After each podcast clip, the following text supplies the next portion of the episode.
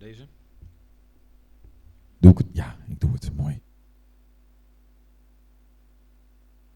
Hij mag erop hoor.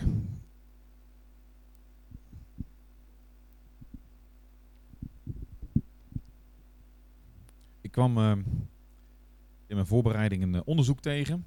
Een Nederlands onderzoek. Dus het valt niet helemaal op België uh, te plakken. Maar toch, dat onderzoek was gedaan onder mensen die vrijwillig antwoord gaven. Dus het eigen gegeven antwoord. Dat moeten we even in, in gedachten houden. En uh, ik vond het eigenlijk wel grappig, want dit had ik al voorbereid voordat we bij woensdag op Kring een vergelijkbaar onderwerp uh, aansneden. Um, maar dat had ik al op papier staan. Jullie geloven dat natuurlijk nooit, maar het was echt zo. Zes op de tien jongeren, Nederlandse jongeren, van de, de, de, de mensen die bevraagd zijn, dat is een onderzoek onder 2100 respondenten.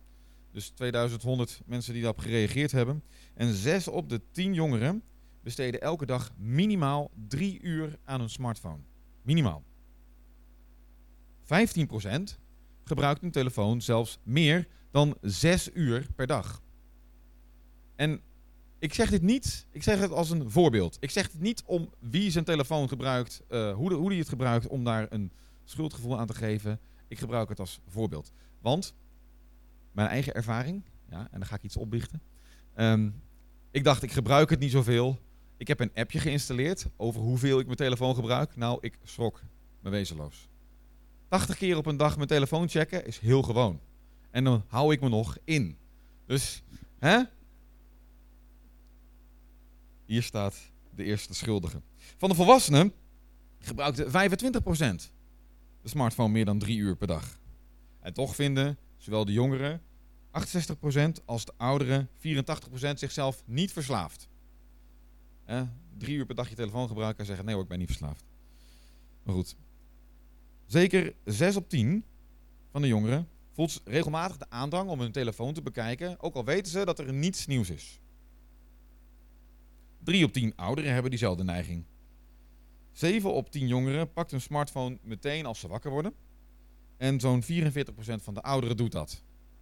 Een ander onderzoek in Nederland wees uit dat 1 op de 4 jongeren smartphone verslaafd is. 1 op de 4. Maar goed, ik zei al, ik ga dat niet doen om een schuldgevoel te geven of om te zeggen van dat mag niet, want ik gebruik hem net zoveel. Um, en, ik, en het mooie is, het is een ding waar heel veel rotzooi in zit, waar je heel veel onzin en heel veel verloren tijd hebt. Maar je kan er ook heel veel geestelijke dingen mee doen. Dat doe ik ook. Maar wat als we onze Bijbel zouden gebruiken als onze smartphone? Wat zouden we dan doen? Als we de Bijbel zouden gebruiken als onze smartphone, dan zouden we het één overal mee naartoe nemen. We zouden zelfs terug naar huis gaan als we onze Bijbel zouden zijn vergeten. We zouden hem gaan halen. En de hele dag door zouden we erin bladeren of er nog berichten in staan voor ons. We zouden het gebruiken in geval van nood.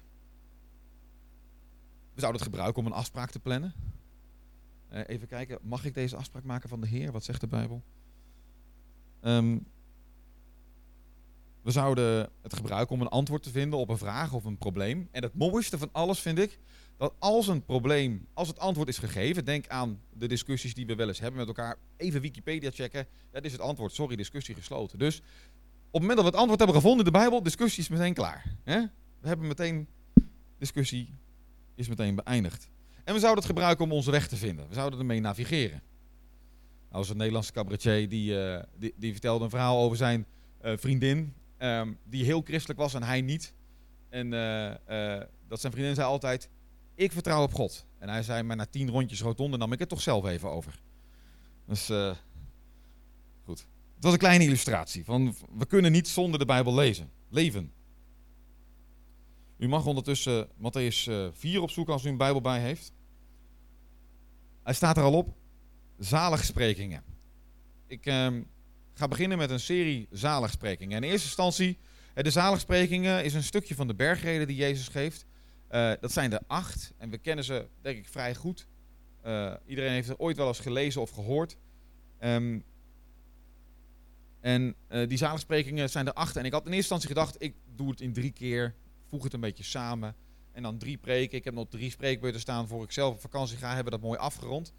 Alleen, ik heb al meer dan ik vanmorgen kwijt kan. Op één zaligspreking. Dus ik heb moeten schrappen en ik heb moeten kiezen. Uh, en zoals het er nu uitziet, wordt het er gewoon acht. Acht preken over de zaligsprekingen. En dan zijn we ergens tegen kerst klaar, denk ik. Uh, maar dan weet u dat vast. Dan weet u vast uh, hoe, hoe de toekomst eruit ziet. Vanmorgen gaat het over de armen van geest. Matthäus 4. En dan zult u misschien denken, als u de Bijbel goed kent, ja, maar de zaligsprekingen beginnen toch in hoofdstuk 5. Ja, dat klopt. Ik neem een kleine aanloop. Matthäus 4, vers 23. Hij, Jezus, trok rond in heel Galilea. Hij gaf er onderricht in de synagogen, verkondigde het goede nieuws van het koninkrijk en genas iedere ziekte en elke kwaal onder het volk. Het nieuws over hem verspreidde zich in heel Syrië. Allen die ergens aan leden en die gekweld werden door een ziekte of door pijn, en ook bezetenen en maanzieken en verlamden werden bij hem gebracht en hij genas hen. En grote groepen mensen volgden hem, uit Galilea, Decapolis, uit Jeruzalem en Judea en uit het gebied aan de overkant van de Jordaan. Toen hij de mensenmassa zag, ging hij de berg op. Daar ging hij zitten met zijn leerlingen om zich heen. Hij nam het woord en onderrichtte hen. Gelukkig wie nederig zijn van hart, want voor hen is het koninkrijk van de hemel. Als u een oude vertaling heeft, een Nederlandse Bijbelgenootschap NBG 51 of een herziende statenvertaling, dan zal er staan, hij is niet verder gegaan. Dat is flauw. Ja. Um, dan zal er staan, zalig de armen van geest. De herziene statenvertaling zegt dat er ook nog altijd. Um, dat heeft iets moois. Een klein stukje van die aanleiding, want we zien Jezus. Je, Matthäus is de schrijver van dit boek. Matthäus is een discipel. Hè? Matthäus is geroepen door Jezus. Uh, de andere evangeliën noemen hem Levi. Matthäus was een tollenaar. Um, hij werd geroepen in Capernaum. Dat doet je denken aan, uh, als je een beetje de, de, de, de lijnen kent, er zit geen handelsroute langs Capernaum, dus waarom zou hij daar tol heffen? Nou, de gedachte is dat hij waarschijnlijk belasting op vis hief. Dat hij, hè, dus uiteindelijk kan je je voorstellen dat de vissers, Petrus, Johannes, Jacobus, dat die vissers um, Matthäus kenden, maar dan dat zij de belasting aan hem moesten betalen. Uh, grappige gedachtegang. En Jezus roept Matthäus om hem te volgen. En het bijzondere aan Matthäus is eigenlijk, je kon niet zomaar tollenaar worden, je kon niet zomaar belastinginner worden. Je moest daar een opleiding voor volgen. Je moest daar uh, Grieks voor kunnen, je moest kunnen lezen en schrijven. Je moest een opleiding tot klerk volgen in het Romeinse Rijk. En het was wel, en dat moet sommige, zeker wat jongere mensen goed aanspreken, het was een, een, manier, een snelle manier om rijk te worden. En uiteindelijk boeide het dan lekker dat, het, uh, dat, dat je met de bezetter uh, samenwerkte. Ja, daar had hij niet zo'n last van. Er waren mensen die maakten er een hoop ophef over, maar hij had een snelle manier om rijk te worden. En, want je kon een stukje van dat geld mooi voor jezelf houden, je kon het afromen, maar je verdiende lekker snel geld. Dus een jonge man die, uh, die snel geld kon verdienen, uh, en die wordt ineens van het een op het andere moment geroepen door Jezus. En omdat hij Grieks kon, omdat hij uh, thuis was in het, de situatie in het Romeinse Rijk, om die situatie is hij eigenlijk een hele goede schrijver. Een hele goede schrijver van het evangelie. Want hij heeft heel goed gezien, steeds gezien, wat Jezus ging doen. En hij doet iets heel bewust in het Matthäus-evangelie. Als je uh, het evangelie gewoon eens leest, dan zie je dat Matthäus Jezus voorstelt als Messias. Hij laat Jezus heel duidelijk zien als Messias. Dan zou je denken, doen de anderen dat dan niet? Ja, anders. Eh, Johannes geeft een heel ander beeld van Jezus. Die laat hem uh, veel meer zien als het woord, als de zoon van God, als gelijk aan God. En, en, uh, zo heeft ieder evangelie zijn eigen eigenheid. En Matthäus laat hem zien als degene die Gods belofte vervult. Dan denk je, is dat belangrijk? Ja, dat is wel belangrijk om te weten wat hij nou bedoelt hier. En, waarom hij op een bepaalde manier schrijft. Um, de bergreden, waar dit een onderdeel van is, is de beste en misschien wel de langste preek ooit gegeven. Het is Jezus zelf die onderwijs geeft. Dus uiteindelijk, als we onze kerk bouwen op wie Jezus is, en we, dan is dit hetgeen waar we naar moeten luisteren. Is dit, dit zijn zijn woorden. Dit is wat hij zegt. Het is een fantastische preek. En hij is messcherp. Hij is zo scherp, zo confronterend, dat je soms denkt, ik ren liever weg. Dit kan ik niet. Dit wil ik niet. Ik loop even de andere kant op, want nu komt hij wel heel dichtbij. Dit kan ik niet.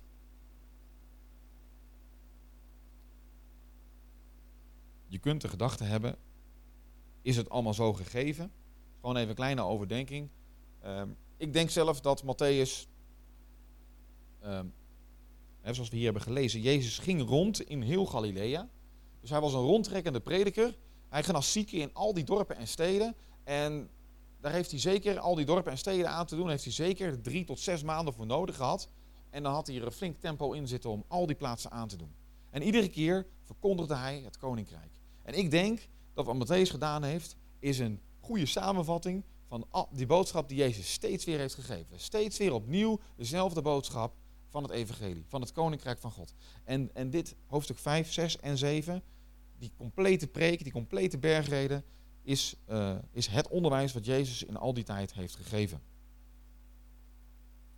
Voor wie is dat boodschap? Want dat is natuurlijk wel belangrijk om te weten. We zien hier dat Jezus uh, de, dat er een hele grote massa achter hem aanloopt. En uiteindelijk kun je drie groepen mensen kun je ontwaren die Jezus volgen. Je hebt de mensenmassa, de massa die hem volgt vanwege de sensatie, het spektakel, vanwege het feit dat ze te eten krijgen, gratis. Ja, daar zou ik er ook achteraan gaan. Als je gewoon, uh, ja, toch?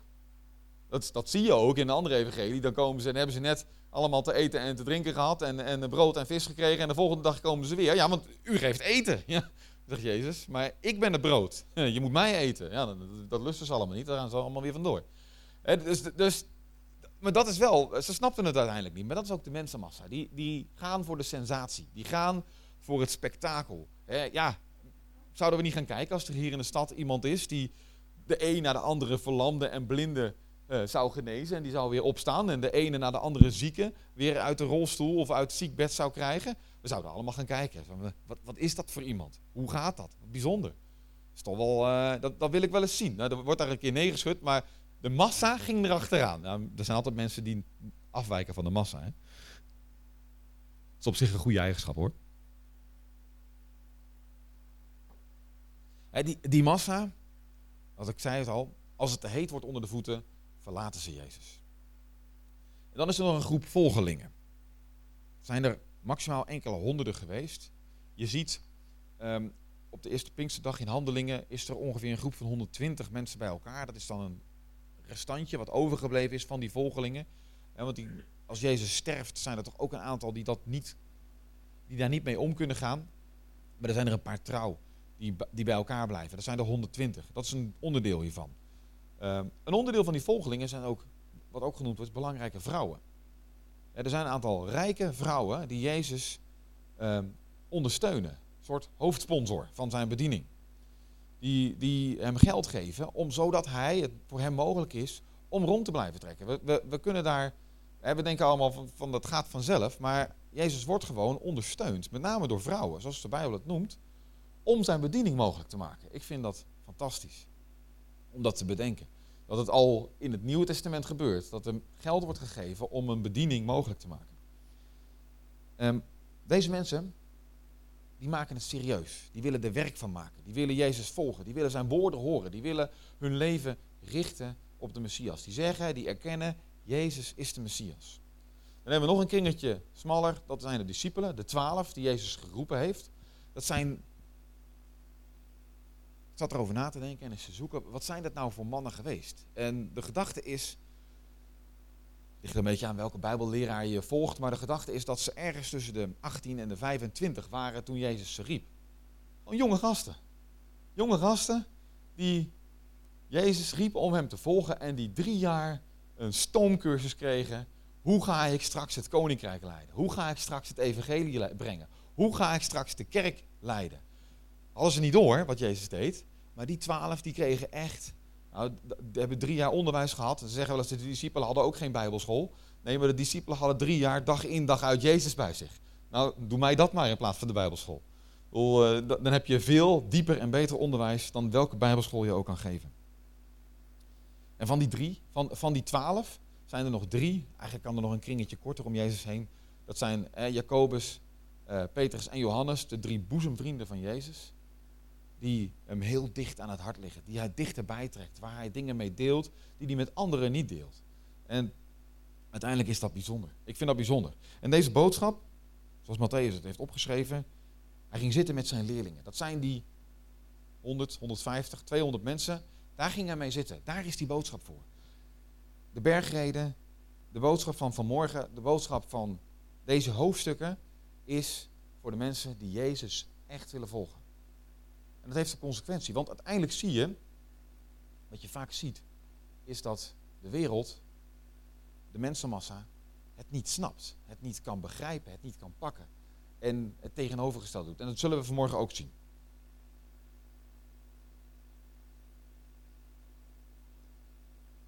De kern van vanmorgen, voor ik dat vergeet. De kern van vanmorgen gaat om leven in afhankelijkheid van God is een voorwaarde. We houden niet zo van voorwaardes. Maar leven in afhankelijkheid van God is een voorwaarde. Jezus stelt dat als een voorwaarde.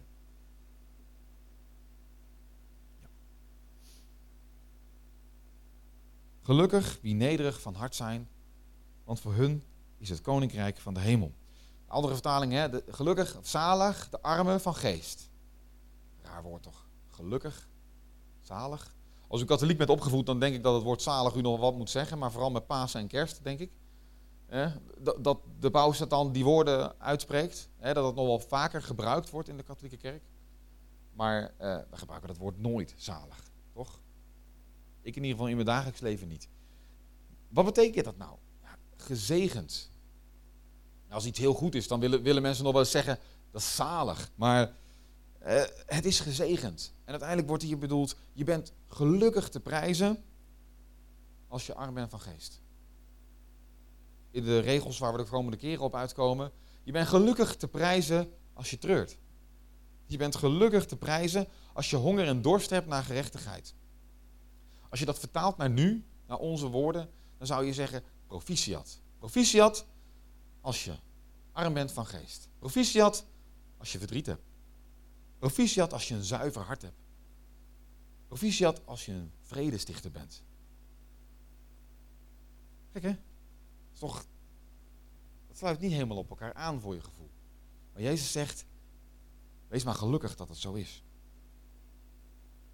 Arm van geest, wie, wie zijn dat? Ik zit er steeds naast te drukken op de een of andere manier. Um, wie zijn dan die armen van geest? Er is wel eens iemand die gezegd heeft, ja, dat zijn de mensen die, die een eh, verstandelijke beperking hebben. Die zijn arm van geest. Misschien is dat waar, maar dat is niet wat Jezus bedoelt.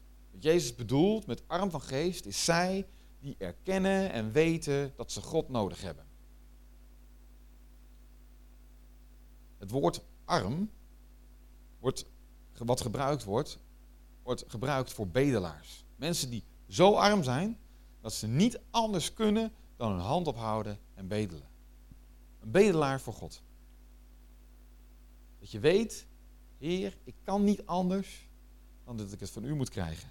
Ik hou mijn hand maar op, want ik kan het zelf niet. Dat is toch een beetje tegenstrijdig hoe we er naar de maatschappij kijken, hoe we er zelf in staan.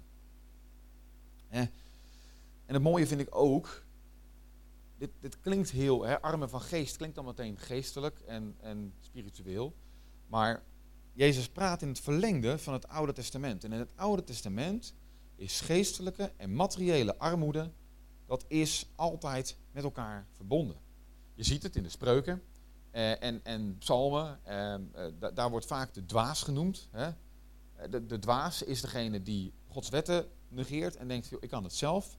Maar is dezelfde persoon die niet uit zijn bed kan komen en niet uh, kan gaan werken om zijn eten te verdienen en dus arm is en dus niks heeft. Het is dezelfde persoon. Dus die armoede, geestelijk en materieel, staat met elkaar in verbinding. En dat is ook wat Jezus hier dus zegt.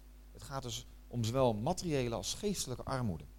Weten dat je niets hebt. Dat je niets van jezelf hebt. Dat alles wat je bent en zegt, alles wat je aan inkomen hebt, dat het uiteindelijk eigenlijk niet van jou is. En we zeggen dat wel eens, maar het is wel heel heftig om dat in je hart te menen. Jezaja 57, dat is een vers, ik heb hem erbij geschreven, omdat de Joden kenden het Oude Testament vrij goed. Hè? En ze wisten, vooral de teksten die betrekking hadden op de Messias, die wisten ze meteen te linken aan wat Jezus zegt. En Jezus zegt, nou, het is eraf gevallen. Jezaja 57, vers 15, voor degenen die meeschrijven. Daar staat, dit zegt hij die hoog is en verheven, die troont in eeuwigheid. Heilig is zijn naam. In hoogheid en heiligheid zal ik tronen met hen die verslagen zijn en onaanzienlijk. Opdat de onaanzienlijke geest herleeft, opdat het verslagen hart tot leven komt. Dit is wat God zegt en wat de discipelen en de leerlingen meteen door hadden. Jezus verwijst naar die Messias-uitspraken. Dat, dat God zegt, ik zal die verslagen harten en die onaanzienlijke geesten laten herleven. En, en ze weer tot leven brengen. Ik zal met hen regeren. Dat is wat hij zegt. Is toch, is toch bijzonder dat God dat zelf al zegt in het Oude Testament? Dat is wat God wil doen met de mensen die onaanzienlijk zijn. Die zich nederig voelen. Want weet u, ware afhankelijkheid van God, het weten dat je hem echt nodig hebt, dat heeft ook te maken met het vertrouwen op het offer wat Jezus toen nog ging doen, maar wat Jezus gaat doen. Uiteindelijk is dat onze grond. Uiteindelijk komt daar alles samen. Dat we weten wie Jezus is. Een mooi stukje uit al die gelukkig zij, gelukkig wie, die zaligsprekingen. Er zit een bepaalde cadans in. Hè? Gelukkig, hm, want, gelukkig, die, want. Uiteindelijk is dat iets wat op een mooie manier is vormgegeven, zodat je het goed uit je hoofd kon leren. Mooi hè? Dat Jezus uiteindelijk dat al zo brengt dat hij wist, dit kan je goed uit je hoofd leren, dit kan je bij je houden, dit kun je in je houden. Maar er is iets opvallends aan de hand. En als u een Bijbel bij u heeft, we komen daar de komende keren echt nog op terug. Maar de volgende keer over een aantal weken zal ik spreken over zalig de treurende, want zij zullen getroost worden. Er staat, zij zullen getroost worden. De, de zachtmoedigen zullen het land beërven. Dat is allemaal in de toekomst. De, de, de, degenen die honger en dorst hebben naar gerechtigheid zullen verzadigd worden. Mensen met een rein hart zullen God zien. Dat is allemaal toekomst. Maar nu, gelukkig, wie nederig zijn van hart, want voor hen is het koninkrijk van de hemel. Dat is tegenwoordige tijd, het is nu. Het koninkrijk van de hemel is nu al voor degenen die arm zijn van geest. Dat is iets belangrijks om te weten. Want uiteindelijk, ik ga er niet te veel over zeggen, maar uiteindelijk kun je het koninkrijk van de hemel en het koninkrijk van God, dat is eigenlijk hetzelfde. Uh, is een bepaalde manier van spreken die Matthäus gebruikt. Uh, waar, waar, hij op bedoelt, waar hij op bedoelt, is de plaats waar God is. Daar waar God is. Daar, daar waar God is, daar mag je zijn. Je mag daar zijn waar God is. En iets verderop, en dat kennen we allemaal, hè, het Onze Vader, hoofdstuk 6. Dan mag je ook Onze Vader vragen om zijn koninkrijk gestand te laten doen. Om zijn koninkrijk te laten komen. Om zijn koninkrijk meer te, te laten zijn nu dan het al is. Het is ook een, wat we zeggen, een upside-down kingdom. Hè? Het koninkrijk op zijn kop. De uitspraak die we, wel eens, uh, die we wel eens gebruiken, vele eerste zullen de laatste zijn. Ja, dat is eigenlijk ook hier van toepassing. Als je nu rijk bent en heerst, ben je straks arm. En als je nu arm bent, ben je straks rijk en mag je heersen. Dat is wat die spreuk in Jezaja ook zegt, hè? Want ik zal, ik zal hem er even terug bij pakken. Gewoon terug. In hoogheid en heiligheid zal ik tronen. Met wie? Met hen die verslagen en onaanzienlijk zijn. Dus als je nu verslagen bent, onaanzienlijk, als je nu arm bent, mag je straks met hem regeren. Ben je straks de eerste. Maar goed, ik zei al, deze boodschap is voor sommigen confronterend. Maar dat, dat zeg ik toch al jaren. Dat is toch zo. Dat is, en we beleiden dat we niet zelf hebben. De vraag die ik vanmorgen wil stellen, is dat echt zo? Is dat ook iets wat in je hart zo is? Of is dat iets wat we alleen met de mond zeggen? Want onze maatschappij, die leidt aan de ziekte van het zelf, zo heb ik het maar genoemd. Eh, kleine kinderen hebben dat op een gegeven moment zo'n fase. Ik is zelf doen. Die, die fase die krijgen we straks weer. dan willen ze alles zelf doen. Maar dat is niet helemaal wat ik bedoel. De maatschappij zou deze spreuk, zalig de armen van geest, proficiat als je arm bent van geest, zal dat nooit zo zeggen.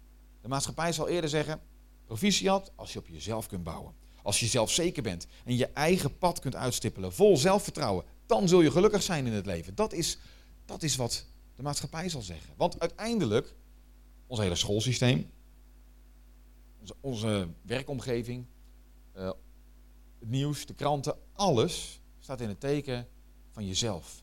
Je moet het zelf doen in het leven. Je moet het voor jezelf opkomen. Je moet in jezelf geloven. Dank je, Paulus. Dat is uiteindelijk waar het om gaat. En ik heb een paar, ze staan er al, maar ik heb er een paar uit, naast elkaar gezet. Want ze staan lijnrecht tegenover wat Jezus zegt. En wat in deze tijd hebben we het over zelfredzaamheid. Ja, maar je moet wel jezelf kunnen redden. Hè? En, en uiteindelijk vinden we het heel goed als mensen zichzelf kunnen redden. Maar Jezus zet dat rechtstreeks tegenover afhankelijkheid van God. Zelfredzaamheid is goed hè, als je jezelf kunt redden en in je eigen onderhoud kunt voorzien en je, je, je kunt zorgen dat de was draait en weet ik veel wat, is super, is niks mis mee. Het wordt pas verkeerd als het de plaats in gaat nemen in de afhankelijkheid van God. Dan wordt het verkeerd. Hetzelfde geldt voor zelfvertrouwen. We doen het toch allemaal zo goed. Zelfvertrouwen is helemaal niet erg. Het is helemaal niet erg om een beetje zelfvertrouwen te hebben, om uh, dingen te durven doen, om op mensen af te stappen, om vragen te stellen aan wildvreemden. is helemaal niet gek. Maar uiteindelijk, hetzelfde geldt, als het de plek inneemt van het vertrouwen op God, is het schadelijk. Zelfbeschikking. Als wij, wij hebben het leven toch zelf voor het zeggen. We kunnen toch zelf wel bepalen wat we doen. Ik stip mijn leven zelf wel uit.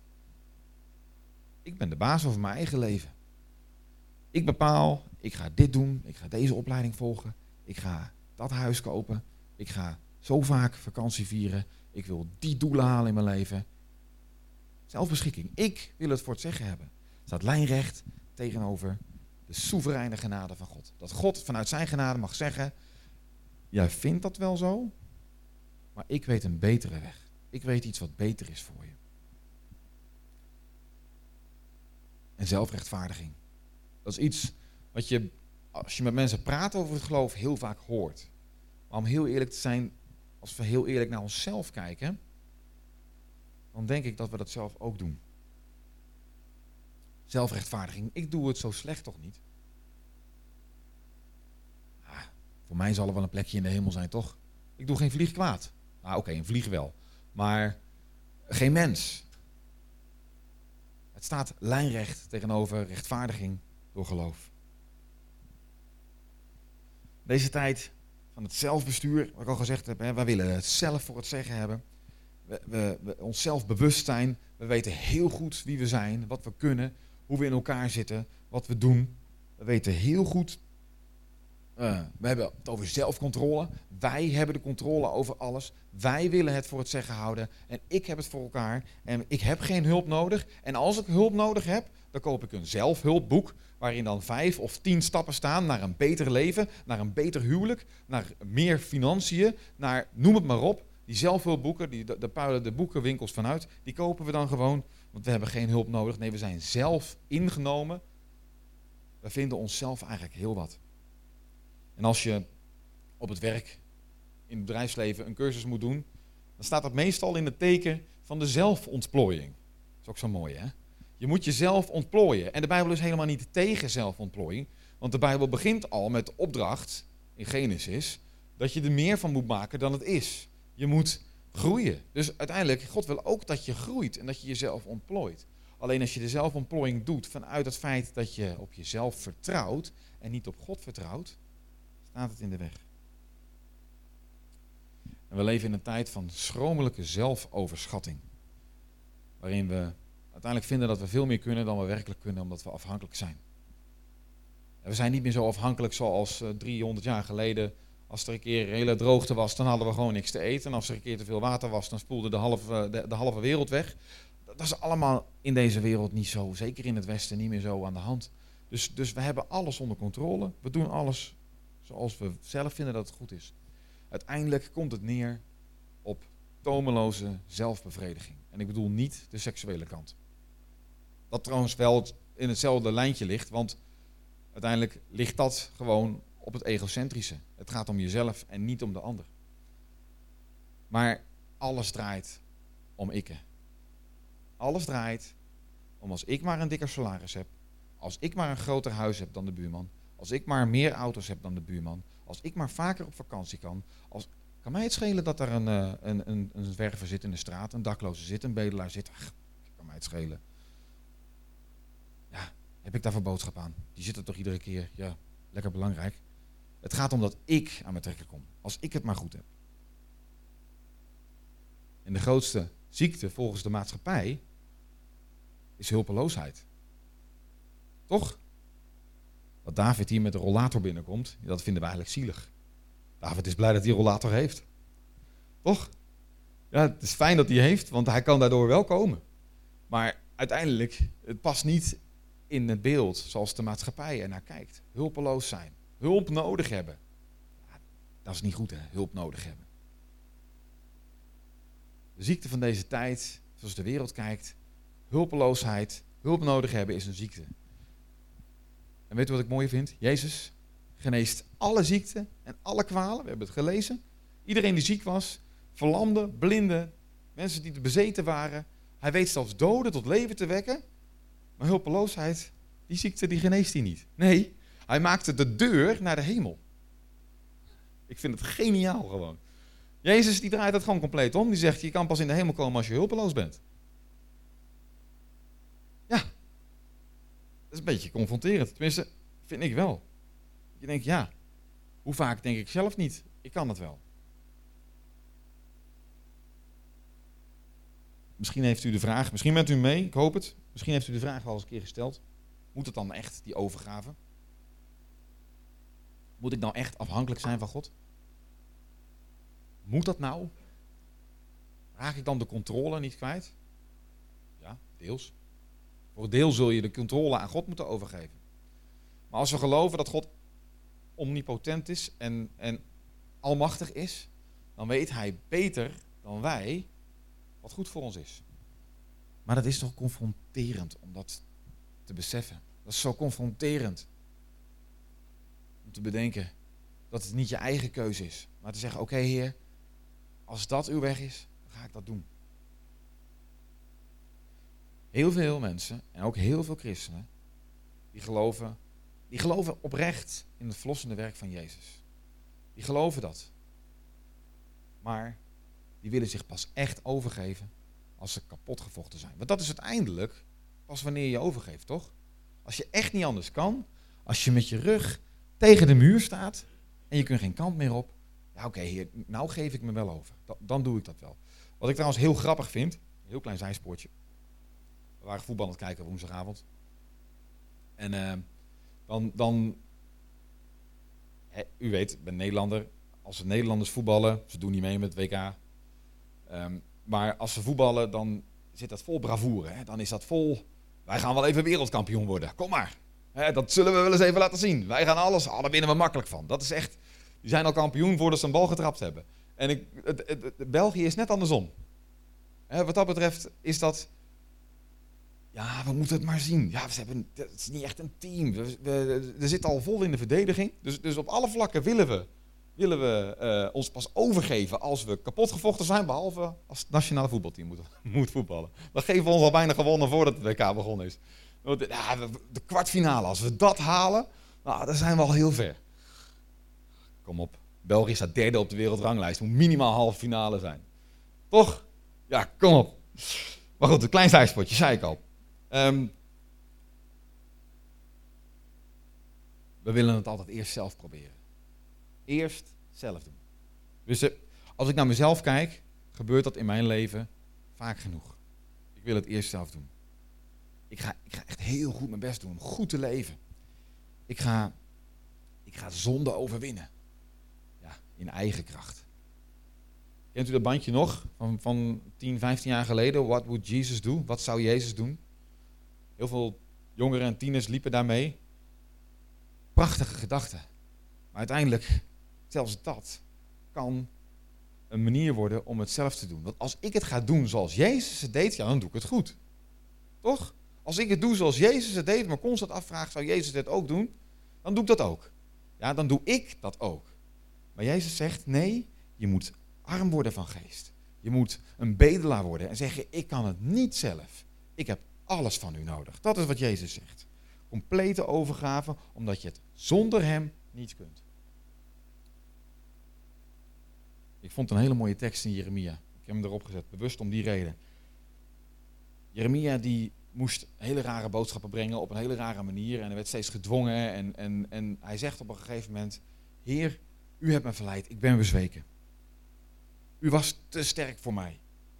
En u heeft mij in uw greep gekregen. Of u heeft mijn hart veroverd. Dat punt, dat je dat bereikt, dat is Gods doel. Dat is wat Jezus bedoelt. En Paulus die zegt het nog anders. Romeinen 12, vers 1 en 2, bekend vers. Broeders en zusters, met een beroep op Gods barmhartigheid vraag ik u om uzelf als een levend, heilig en God welgevallig offer in zijn dienst te stellen. Want dat is de ware eredienst voor u.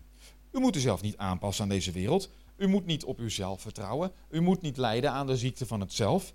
Maar u moet veranderen door uw gezindheid, door uw denken te vernieuwen. Om zo te ontdekken wat God van u wil en wat goed is, volmaakt en hem geval, welgevallig. Weet u wanneer Paulus dit schrijft? Op het moment dat de tempel nog volop in gebruik is. Wat heeft hij voor ogen? Wat heeft hij voor ogen? Er werden dag in, dag uit tientallen schapen, runderen, vogels geslacht en geofferd. Die werden verbrand. Die werden op het altaar gelegd en er werden verbrand tot er niets over was. Zo, dat is heftig. Dus eigenlijk zegt Paulus hier dat we onszelf moeten slachten en offeren aan God tot er niks van ons over is. Tot er alleen wat as overblijft. Pas dan, want dat is de, de, MBG zegt uw redelijke eredienst. Ik vind het helemaal niet redelijk, om eerlijk te zijn. Ja, toch, ik, ik vind het bijna onredelijk. Moet ik dan zoveel van mezelf wegcijferen? Moet ik dan zoveel van mezelf weggeven? Wat was ook alweer de belofte? Zalig de armen van geest, want voor hen is het koninkrijk van de hemel. Als je dat koninkrijk van de hemel wil, als je daarin wil komen, als je door die deur wil kunnen gaan, dat is een heel klein deurtje, dan moet je door bukken. Dan moet je heel laag op de knieën. Dan moet je jezelf wegcijferen. Om daarin te kunnen komen. Je moet ware afhankelijkheid hebben van God. We gaan afronden. En de vraag die ik stel daarin is of je vanmorgen je durft om je opnieuw misschien wel voor de eerste keer afhankelijk te stellen van God. Op Hem te vertrouwen en je over te geven aan Zijn soevereine genade. En we gaan straks een lied luisteren. Een uh, bekend lied. Maar gewoon in het moment van het luisteren, dat we gewoon even stil zijn en dat we dat binnen laten komen. En dat we ons hart onderzoeken. Ik heb een paar weken geleden of maanden geleden gesproken over de Heilige Geest die in ons is. En die geest die wil ook dingen openbaren. Die wil je dingen laten zien. En vaak is het als je dat vraagt aan God, is dat het eerste wat in je, in je opkomt. Als je aan God vraagt, Heer, wat wilt u dat ik opgeef? Wat wilt u dat ik op dat altaar leg? Wat wilt u dat ik aan u offer? Dat ik weggeef, wegcijfer? God geeft antwoord. Vaak is het het eerste wat er in je gedachten binnenschiet als een antwoord. Dit wil ik dat je opgeeft. Geestelijk en lichamelijk. want het is armen van geest is niet alleen iets geestelijks. Het gaat ook om materiële. dus onze ogen, onze oren, onze handen, onze voeten, om dienstbaar te zijn aan het koninkrijk. Maar ook onze tijd en ons geld. Geloven we? Ik geloof dat. Dat God zal voorzien. God is een voorzienend God. God wil voorzien in hetgeen wat we nodig hebben. Dat is ook wat uiteindelijk. Er zijn zoveel bekende dingen in die bergreden. Zoek eerst het koninkrijk van God. En al het andere zal u gegeven worden. Wat is al dat andere? Dat zijn, de, dat, dat zijn de dingen waar je je druk over maakt, als eten en kleding. Dat is al het andere. Dat zal je gegeven worden. Dus God vraagt, geef je over. Durf je dat? Durf je je afhankelijk te stellen? Durf je te vertrouwen dat God zal voorzien in wat je nodig hebt? Dat Hij het onmogelijke mogelijk maakt? Je mag het nummer inzetten. Ik ga zitten en stel voor dat Chris dan straks de dienst gewoon afsluiten.